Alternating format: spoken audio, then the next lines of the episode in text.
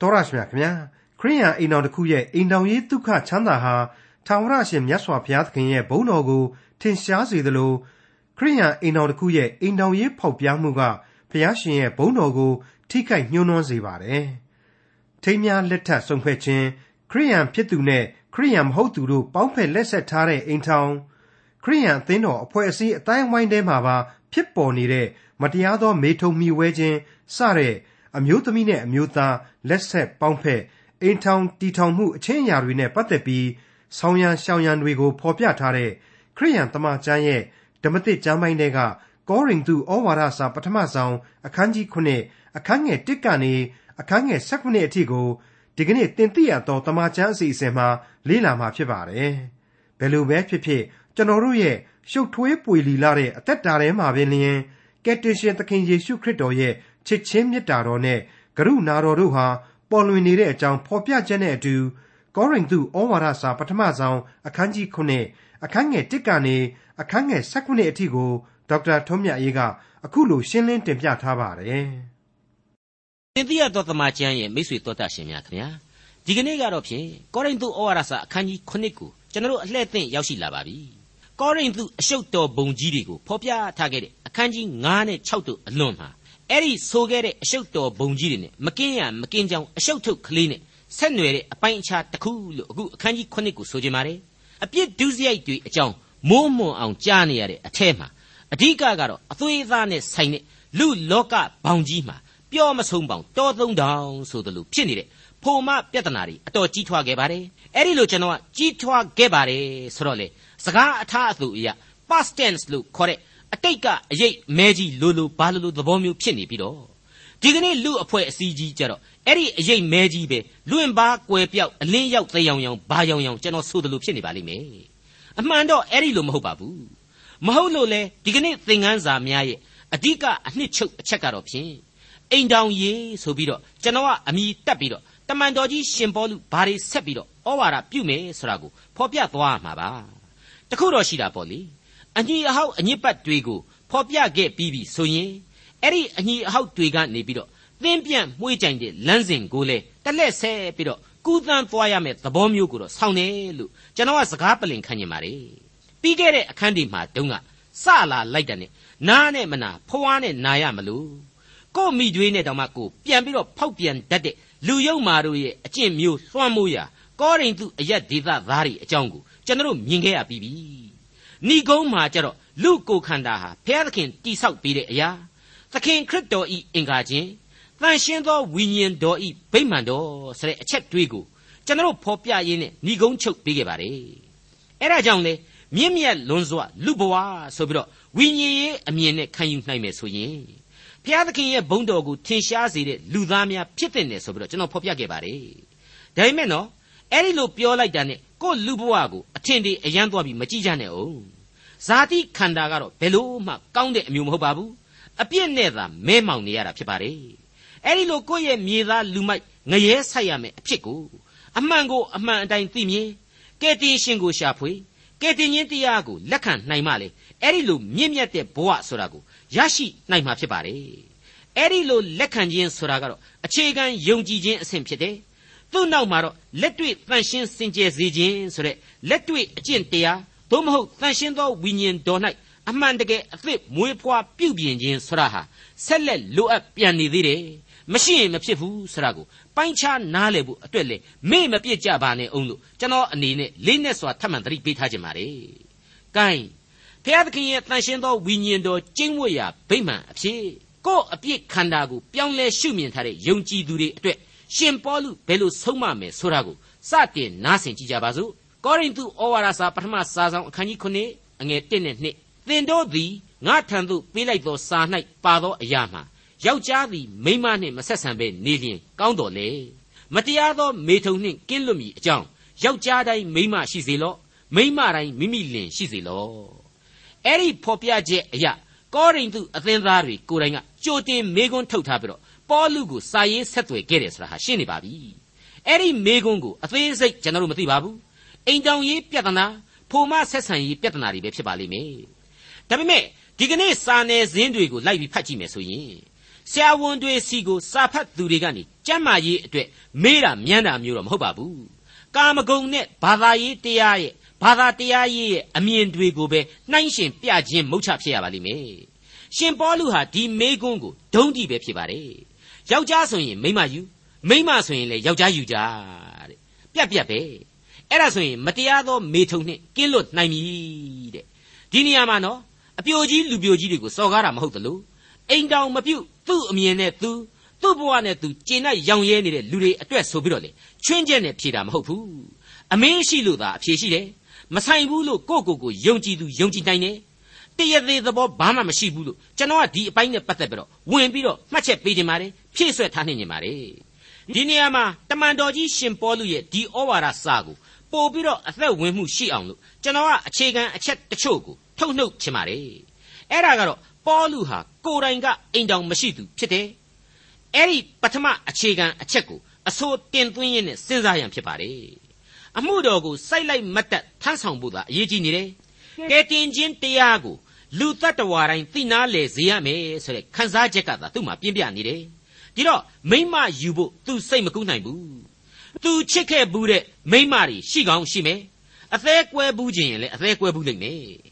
မိမဆိုရင်စိတ်မဝင်စားတဲ့လူဖြစ်ခြင်းလည်းဖြစ်နိုင်တယ်တခုမှကျွန်တော်တို့အသေးပြောလို့မရဘူးဒါကိုအခုအငယ်ခုနှစ်အရာငါကဲ့သို့ဖြစ်စီခြင်းဟာဆိုတော့တနည်းအားဖြင့်ငါလိုလူပြိုကြီးသို့မဟုတ်ငါလိုအထီးကျန်ဆိုတဲ့သဘောပဲဒီအချက်အားဖြင့်သူဟာလူပြိုကြီးဖြစ်ရလိမ့်မယ်လို့ကျွန်တော်တို့တွက်နိုင်ပါတယ် ဘာပဲဖြစ်ဖြစ်ဒါဟာသူ့ရဲ့ပုဂ္ဂိုလ်ရေးကိစ္စပဲအရေးကြီးတာဟာဘုရားသခင်ရဲ့ကျွန်းခရစ်တော်ဤကျွန်းတမန်တော်ကြီးပိသစွာအမှုတော်ဆောင်ဖို့သာဖြစ်ပါတယ်ဒီတော့ကို့မှာသာအတွေ့အကြုံမရှိတာရှင်ပေါလုကပြတ်သားစွာအဖြေကိုပေးတယ်အတွေ့အကြုံမရှိလို့ဆိုပြီးတော့ဒီကျမ်းကိုမပယ်ရပါဘူးရှင်ပေါလုဆိုတဲ့ပုဂ္ဂိုလ်ကြီးဟာဝိညာဉ်ရေးအမြင်တွေအဖြစ်ကိုယ်ကာယအမြင်တွေတဲ့ပို့ပြီးတော့အားကောင်းနေတယ်။တန်ရှင်းသောဝိညာဉ်တော်နဲ့အညီသာလျှင်ဒီမဟာဩဝါဒစာကို သူရေးသားနေတယ်ဖြစ်တယ်ဆိုတာကိုကျွန်တော်တို့ဘယ်လို့မှညင်းလို့မရပါဘူး။နောက်တစ်ချက်ကတော့ပေါလုဟာလူပြိုကြီးမဟုတ်လို့ရှိရင်မုတ်ဆိုးဖို့ဖြစ်လေသလားဆိုတဲ့ဒုတိယမေးစရာမေးခွန်းပေါ်လာပါတယ်။ဟုတ်ပါတယ်။ယေဘမော့ဆိုတဲ့ကျမ်းစာအ내ဖွင့်ကျမ်းဟာကဘာဦးကျမ်းအခန်းကြီး9အငယ်1မှာဘုရားသခင်ဟာလူယောက်ျားလူမိန်းမကိုဖန်ဆင်းတယ်ဆိုတဲ့အချက်အရာဂျူးယောက်ျားမှန်တဲ့၍ဟာ16နှစ်အရွယ်မှာအိမ်တောင်ပြုတ်ကိုပြုတ်ရမယ်လို့အစဉ်အလာရှိခဲ့တယ်ဆိုပြီးတော့ကျွန်တော်တို့တွေ့ထားရပါတယ် ဒီတော့ပေါလုဟာငယ်စဉ်တုန်းကအိမ်တောင်ရှိခဲ့ဘူးကောင်ရှိခဲ့ဘူးပဲပြီးနောက်မှာတော့မိမသေလို့ဖြစ်ချင်ရင်ဖြစ်မယ်ဒါမှမဟုတ်ရင်လည်းလင်မယားနှစ်ယောက်တယောက်နဲ့တယောက်မကျေနပ်ကြလို့ဆိုပြီးတော့ဖြတ်စာပေးပြီးတော့ကွဲကွာခဲ့ကြတာလည်းဖြစ်ချင်ဖြစ်မယ်စသဖြင့်အမျိုးစုံတွေးနိုင်ပါတယ်ပြီးတော့တမန်တော်ဝတ္ထုအခန်းကြီး26အငယ်30အရယေရုရှလင်မြို့၌ထိုအမှုကိုပြုမိပါ၏ယေဘရဟိတ်အကြီးတို့ထံ၌အခွင့်ရပြီးလျင်တန်ရှင်းသူအများတို့ကိုထောင်ထဲမှလှောင်ထားပါ၏ သူတို့သည်အသေးသက်ချင်းကိုခံရသောအခါအကျွန်ုပ်သည်ဝန်ခံပါ၏လို့ဖော်ပြထားပြီးတော့အဲ့ဒီလိုဝန်ခံပါ၏ဆိုတာကိုအင်္ဂလိပ်လိုအရာ I give my voice against them ဆိုပြီးတော့သူကိုယ်တိုင်ဖွင့်ဆိုထားတာကိုတွေ့ရပါတယ်တနည်းအားဖြင့်ဆိုရင်တော့ရှင်ပေါလုဟာဂျူးရဲ့ Sanhedrin လွှတ်တော်မှာမဲပေးပိုင်ခွင့်ရှိသူကန့်ကွက်ခွင့်ရှိသူအဆင့်ဖြစ်တယ်ဆိုတာကိုအဲ့ဒီအချက်အရာကျွန်တော်တို့သိနိုင်ပါတယ်ဒီတော့ရှေးရိုးဆွဲဝါဒီတွေတဲကပေါလုဟာ မိမနဲ့အိမ်တောင်ရှိခဲ့ဘူးလို့သာလျှင်အဲ့ဒီလိုဣသရေလနိုင်ငံရဲ့ Sanhedrin လို့အရေးကြီးတဲ့လွှတ်တော်လို့အုပ်ဆောင်အဖွဲ့လို့အဖွဲ့အစည်းမှာရွေးကောက်ခြင်းခံရတာလို့ကျွန်တော်တို့တွေ့နိုင်ပါတယ်အဲ့ဒီလိုပါပဲကောရိန္သုဩဝါဒစာအခန်းကြီး9အငယ်9မှာကြပြန်တော့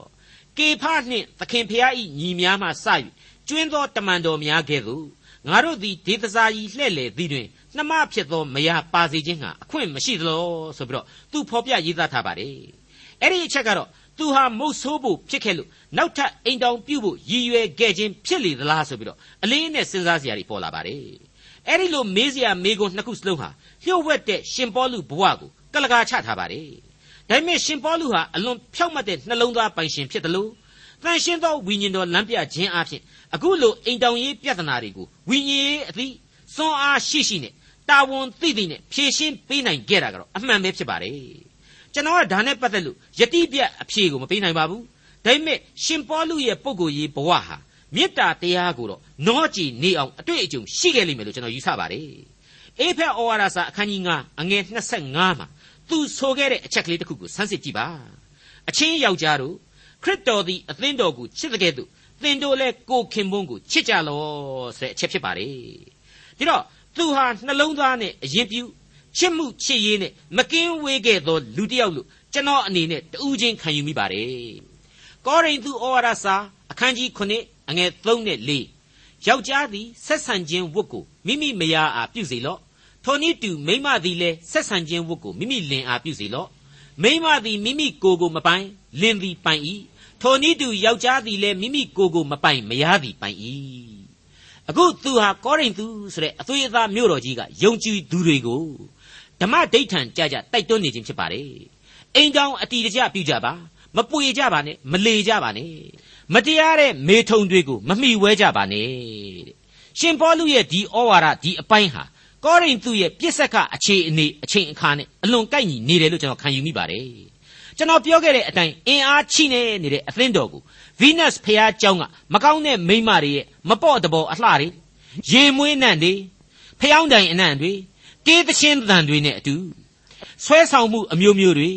အရှိအရက်အနောက်အရက်ကကုံတယ်တွေကနေတစ်ဆင့်ရောက်ရှိလာတဲ့မူရစ်စေတတ်တဲ့အရက်သေးစားတွေဟာလက်ရက်ခေါ်နေတယ်လူအသွေးအသားဇာတိပဂရိကောရိန္သုသားတွေဟာလေဒီအရက်တွေကိုတချို့ခြေလန်းနေပြင်နေကြတယ်မင်းတို့ကွာဒီအရက်တွေကိုသွားမဲ့အစားကို့အိမ်ယာကိုပဲသားမှတ်မှတ်မရမှတ်မှတ်ပေါင်းသင်းပြီးတော့ပျော်ပျော်ရွှင်ရွှင်နေထိုင်ကြပါလို့ရှင်ပေါလုတိုက်တွန်းတာဖြစ်ပါတယ် ယုံညံ့မှုတွေယောဂဗျာတွေဝိုင်းဝိုင်းလဲနေတဲ့ကျွန်တော်ရဲ့ခေတ်ကာလအတွက်လေဒီအဆုံးအမဟာသိပ်ပန်နီးကြသလားမကြဘူးလားဆိုတာကိုတော့ကျွန်တော်တွေးဆအဖြေထုတ်ယူနိုင်ပါလိမ့်မယ်မိษွေအပေါင်းတို့ခမညာလူတ attva ဆိုတဲ့အဆင့်မြင့်တတ္တလောကမှာအိမ်တောင်ပြုခြင်းအတွက်အချစ်ဆိုတာဟာလိုအပ်ပါတယ်နှုတ်ကပတ်တော်သမိုင်းတစ်လျှောက်မှာဒီအချစ်ရဲ့အကြောင်းကိုလူသားတွေရဲ့ဖြစ်ရမှန်ဇလန်းတွေအဖြစ်ကျွန်တော်မငင်းနိုင်အောင်ဘုရားသခင်ဟာဖော်ပြတာကိုတွေ့ကြရပါတယ်အာရန်နဲ့အေဝါ ယာကုပ်နဲ့ယာခေလဘောဇနဲ့ရုသ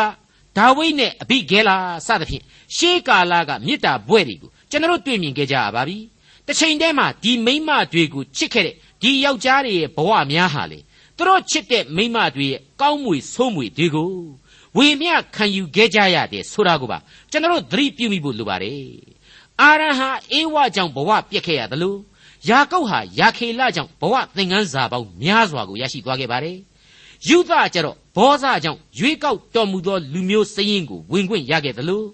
ကယ်တင်ရှင်သခင်ခရစ်တော်အတွက်အနာဂတ်မျိုးဆက်ကိုချပေးခဲ့သောမိခင်ကြီးတူလည်းဖြစ်လာခဲ့ရပါတယ်ဒါဝိဒ်နဲ့အဘိဂဲလာတို့ရဲ့အိမ်တောင်ဟာတန်ရှင်းသောအတိတ်သမိုင်းကလာတဲ့အချစ်လို့ကျွန်တော်မဆိုချင်ပါဘူးဒါပေမဲ့လင်စိုးမယာတဖာပါဘဝကနေပြီးတော့လင်သေးပြီးတဲ့နောက်ပိုင်းမုတ်ဆိုးမဖြစ်ရသူကလေးအဘိဂဲလ်သို့မဟုတ်အဘိဂဲလာဟာ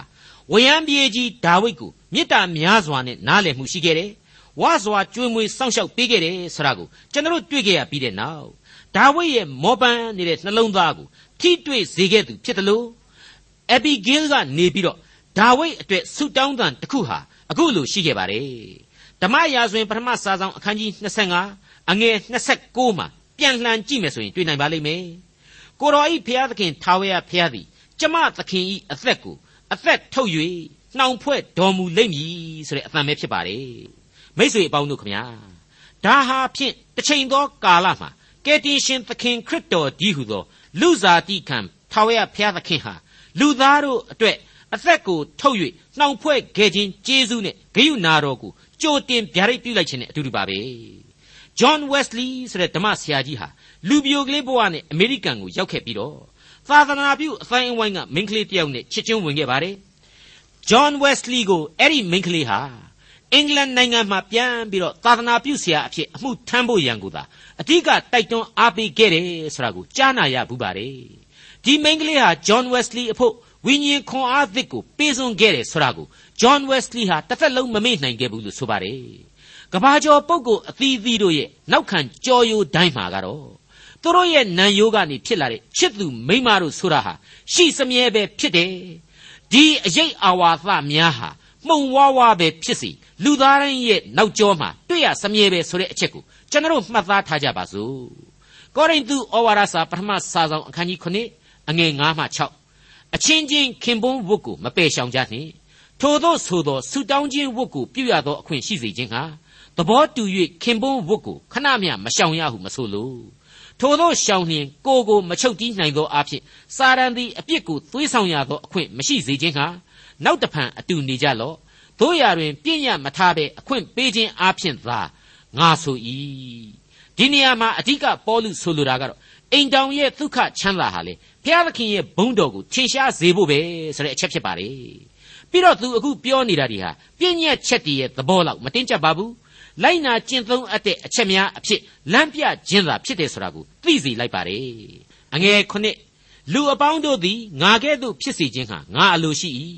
သို့တော်လည်းလူအသီးသီးတို့သည်ဖျားသခင်ပေးသနာတော်မူသည့်အတိုင်းအသီးအသီးသောဆုကျေးဇူးကိုခံရ၏ရှင်ပေါလုဟာအခုကျမ်းစာအရဆိုရင်တကိုယ်ရည်တကာယသမားဖြစ်ဖို့များပါတယ်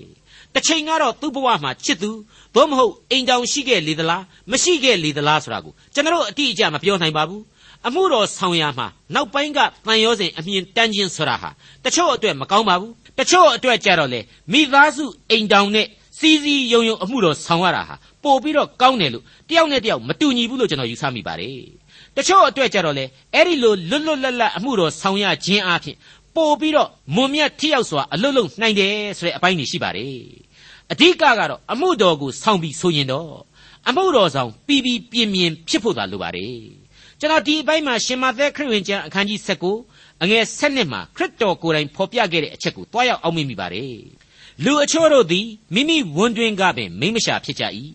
အချို့တို့သည်သူတစ်ပါးဆုံးမ၍မိမရှာဖြစ်ကြ၏အချို့တို့သည်ကောင်းကင်နိုင်ငံတော်အဖို့အလို့ငှာမိမိကိုယ်ကိုဆုံးမ၍မိမရှာဖြစ်ကြ၏ထိုစကားကိုခံယူနိုင်သောသူသည်ခံယူစေဟုမိန့်တော်မူ၏ဒီနေရာမှာမိမရှာဆိုတာဟာအင်္ဂလိပ်လို eunuch ဆိုပြီးတော့သုံးထားတာတွေ့ရပါတယ် သင်ကွတ်ချင်းခံထားရသောသူကိုဆိုလိုပါတယ်မိမစိတ်ပေါက်နေတဲ့မိမရှာကိုမဆိုလိုပါဘူးဂရဝါသကိစ္စတွေကိုစိတ်မရှိသူဘုရားသခင်အတွက်ကိုကိုဆက်ကပ်အနှံထားသောသူကိုဆိုလိုခြင်းဖြစ်ပါတယ်ကောရိန္သုဩဝါဒစာပထမစာဆောင်အခန်းကြီး9အငယ်8နဲ့9ထို့ကြောင့်မယားမရှိသောသူတို့နှင့်မုတ်ဆိုးမတို့ကိုငါဆိုသည်ကားထိုသူတို့သည်ငါကဲ့သို့နေလျင်ကောင်း၏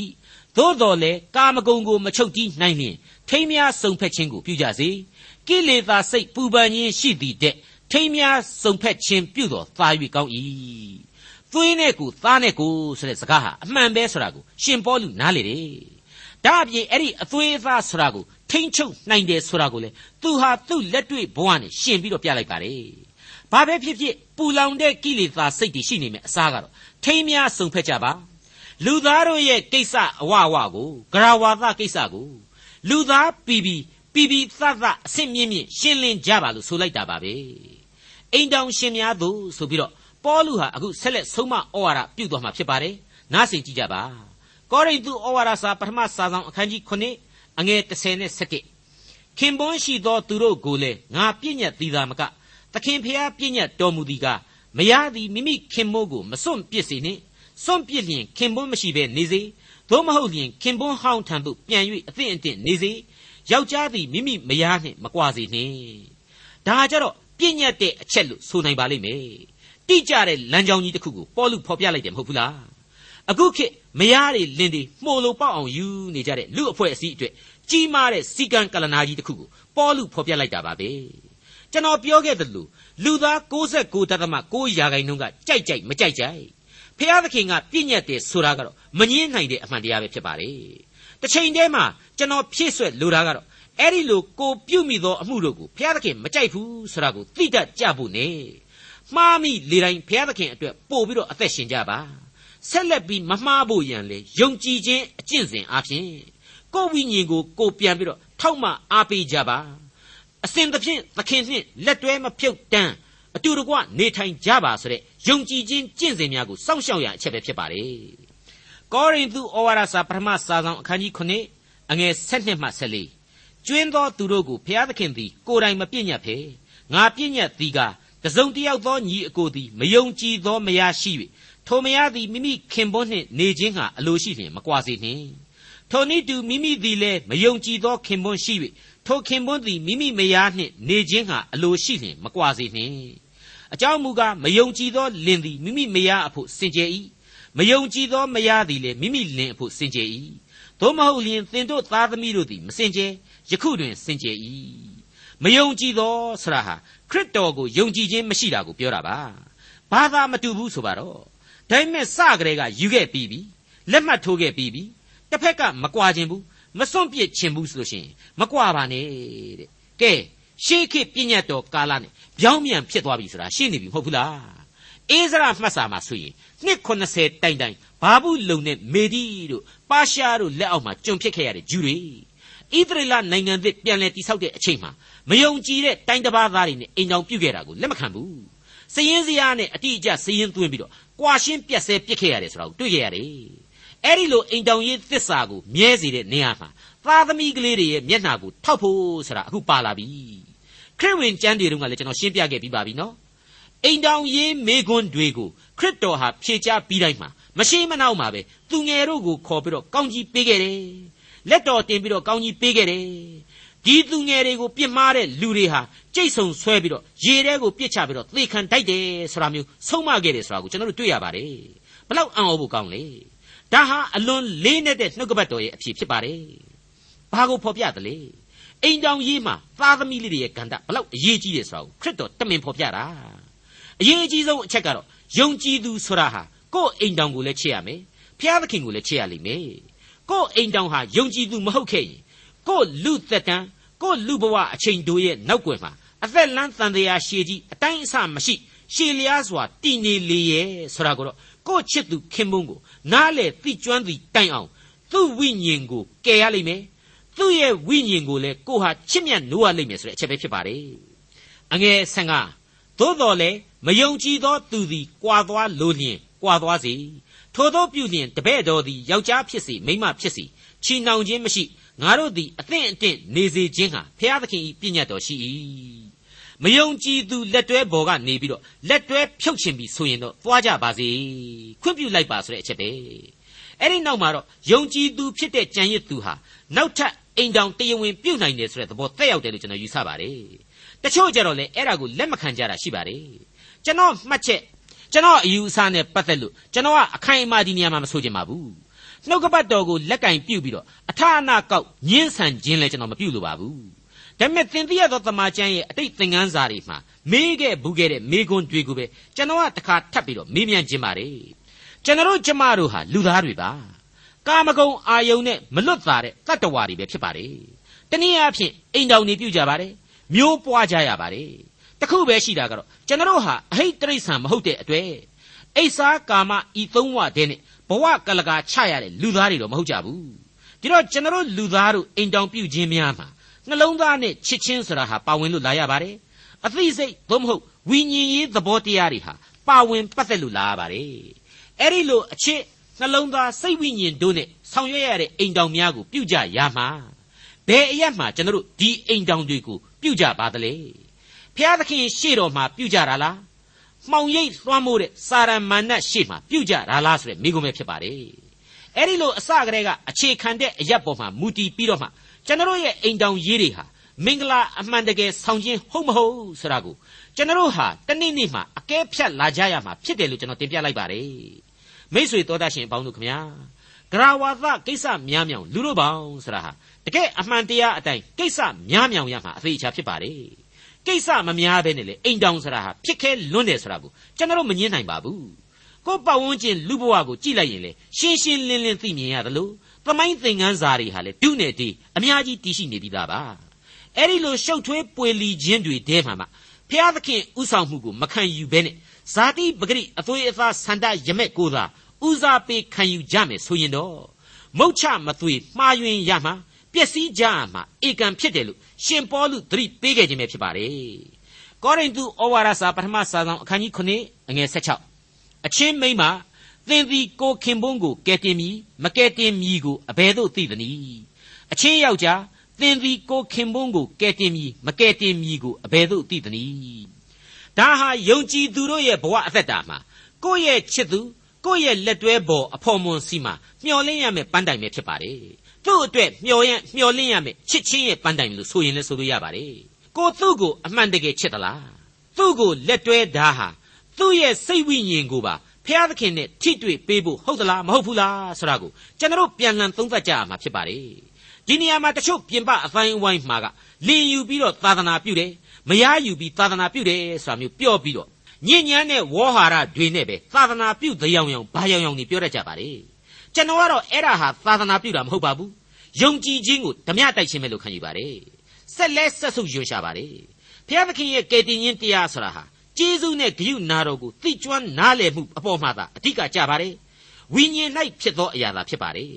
ကာမဂုဏ်အာယုံပေါ်မှာမူတည်ပြီးတော့ဆွဲလို့ရတဲ့အရာမျိုးမဟုတ်သလိုလောကအစွဲအလံဘာတွေနဲ့မှလည်းလဲလှယ်အပ်တဲ့အရာမဟုတ်ပါဘူးလဲလှယ်လို့ရတယ်လူယူလို့ရတယ်ပဲထားအောင်ဒါဟာတင့်တယ်လျှောက်ပတ်ခြင်းအရှင်းမရှိဘူး နှုတ်ကပတ်သမာတရားတော်နဲ့အညီညွတ်မဟုတ်ဘူးဖျားသခင်လုံးဝမနှစ်သက်ဘူးလို့ပြက်ပြက်သားသားပဲကျွန်တော်တင်ပြလိုက်ပါတယ်ကောရိန္သုဩဝါဒစာပထမစာဆောင်အခန်းကြီး9အငယ်16ဖျားသခင်သည်လူအသီးအသီးတို့အားဝေငှတော်မူ၍ဖျားသခင်သည်လူအသီးအသီးတို့အားခေါ်တော်မူသည်နှင့်လျော်စွာလူတိုင်းကျင့်နေစေခတ်သိမ်းသောအသင်းတော်တို့ကိုထိုသို့ငါပြည့်ညတ်၏ယောမဩဝါဒစာရဲ့အဆုံးသတ်ကျမ်းတွေတွဲကအတိုင်းပဲ လူသားတို့ရဲ့လွတ်လပ်စွာရွေးချယ်ပိုင်ခွင့်တွေးခေါ်ပိုင်ခွင့်ကိုရှင်ပေါလုဟာကျေပြန့်စွာသောအမြင်နဲ့သုံးသပ်ထားတယ်လို့ကျွန်တော်ခံမှန်းပါတယ်လူအသီးအသီးတို့ဟာခေါ်တော်မူတယ်လူအသီးအသီးတို့ကိုခေါ်တော်မူတယ်လူအသီးအသီးတို့ကိုဝေငှတော်မူတယ်ဆိုတဲ့လောကအမြင်လောကုတ်တရားအမြင်မှအစမသိမသာခြားနာမှုကလေးတွေလူသားတို့ရဲ့ခံယူမှုကလေးတွေသိမှတ်ဆွဲလန်းမှုကလေးတွေစသဖြင့်ပေါ့အဲ့ဒီလိုလူသားတို့ဟာ မိမိတို့ရဲ့တန်ရာတန်ရာစိတ်နေစိတ်ထားလေးတွေအတွေးအခေါ်လေးတွေပေါ်မှာပေါင်းစုပြီးတော့မှလူပောင်သမိုင်းကြောင်းကိုမိမိတို့ရဲ့ဂန္ဓအလျောက်ဝိုင်းဝန်းတိဆောက်ပြုပြင်သွားခဲ့ကြပါတယ်အဲ့ဒီလိုအခွင့်အရေးကြီးမားလာတဲ့လူသားတို့ရဲ့ဖြစ်ချင်းဘဝဟာဘလောက်အထိကျေးဇူးတော်ကိုချီးမွမ်းပြီးတော့ကိုယ့်ကိုဖန်ဆင်းပြုစုတော်မူသောသခင်ထံမှလုံခြုံစွာနေသင့်လှသလေအာကိုခိုလုံတိုက်လှသလေဒီအချက်ကိုကျွန်တော်ဟာတမန်တော်ကြီးရှင်ပေါလုရဲ့ဩဝါဒစာမှတဆင့် ရယူခန်းစားဖို့လိုပါတယ်လေးနဲ့တဲ့အနှစ်သာရများကိုအပြေရှားဖွေထုတ်ပြီးတော့ရင်ဝယ်ပိုက်ဖို့လည်းလိုအပ်လှပါတယ်မိษွေတော်တတ်ရှင်အပေါင်းတို့ခမညာအဲ့ဒါဟာကယ်တင်ရှင်သခင်ခရစ်တော်အားဖြင့်ရရှိခံစားရတဲ့ကျေးဇူးနဲ့ဂရုဏာတော်လမ်းကြောင်းပဲဖြစ်ပါတယ်အခုတော့ကျွန်တော်လူသမိုင်းဟာအဲ့ဒီကျေးဇူးနဲ့ဂရုဏာတော်လမ်းကိုသိတာသိတယ်လိုက်နာနိုင်ဖို့ခက်ခဲခဲ့ကြတယ်ကဲတင်ချင်းတရားကိုလက်မခံခဲ့ကြတာများတယ်လူမှုရေးသစ္စာဖောက်မှုတွေဆရာဟာ ဒီကနေ့ကဘာမှာကျွန်တော်မကြားခြင်းအဆုံးဖြစ်နေတာကိုယဉ်နှင့်ပွေရတွေ့ရပါတယ်အဲ့ဒီလိုကျေးဇူးနဲ့ဂရုဏာတော်လမ်းကသွေးဖီးခြင်းနဲ့အမျှလူသမိုင်းဟာတသမတ်သေးအပြစ်သမိုင်းအဖြစ်သာတည်ရန်ခဲ့ရပြီလို့ကျွန်တော်ကစွတ်စွဲခြင်းပါတယ်ကောရိန္သုကအိမ်တောင်ရေးအရှုပ်တော်ပုံတွေကြားမှာပြင်းပြင်းကယ်တင်ရှင်ရဲ့ချစ်ချင်းမေတ္တာသဘောတရားဟာထေရှားပေါ်လွင်လို့နေပါတယ်အဲ့ဒီလိုပါပဲကျွန်တော်ရဲ့ရှုပ်ထွေးပွေလီယာအသက်တာအသီးသီးမှာပြင်းပြင်းဝန်လေး၍ပင်ပန်းသောသူအပေါင်းတို့ ငါထံသို့လာကြလော့ငါသည်ချမ်းသာပေးမည်ဆိုတဲ့ဖိတ်ခေါ်သံဟာအစဉ်တစိုက်ပဲ့တင်ထပ်လျက်ရှိနေကြောင်းတင်ပြလိုက်ပါတယ်ဒေါက်တာထွန်းမြတ်ရေးစီစဉ်တင်ဆက်တဲ့တင်ပြရသောတမချန်းအစီအစဉ်ဖြစ်ပါတယ်နောက်တစ်ချိန်အစီအစဉ်မှာခရိယန်တမချန်းဓမ္မတိကျမ်းပိုင်းတွေကကောရိန္သုဩဝါဒစာပထမဆုံးအခန်းကြီး9အခန်းငယ်18ကနေအခန်းငယ်40အထိကိုလေ့လာမှဖြစ်တဲ့အတွက်စောင့်မျှော်နားဆင်နိုင်ပါတယ်။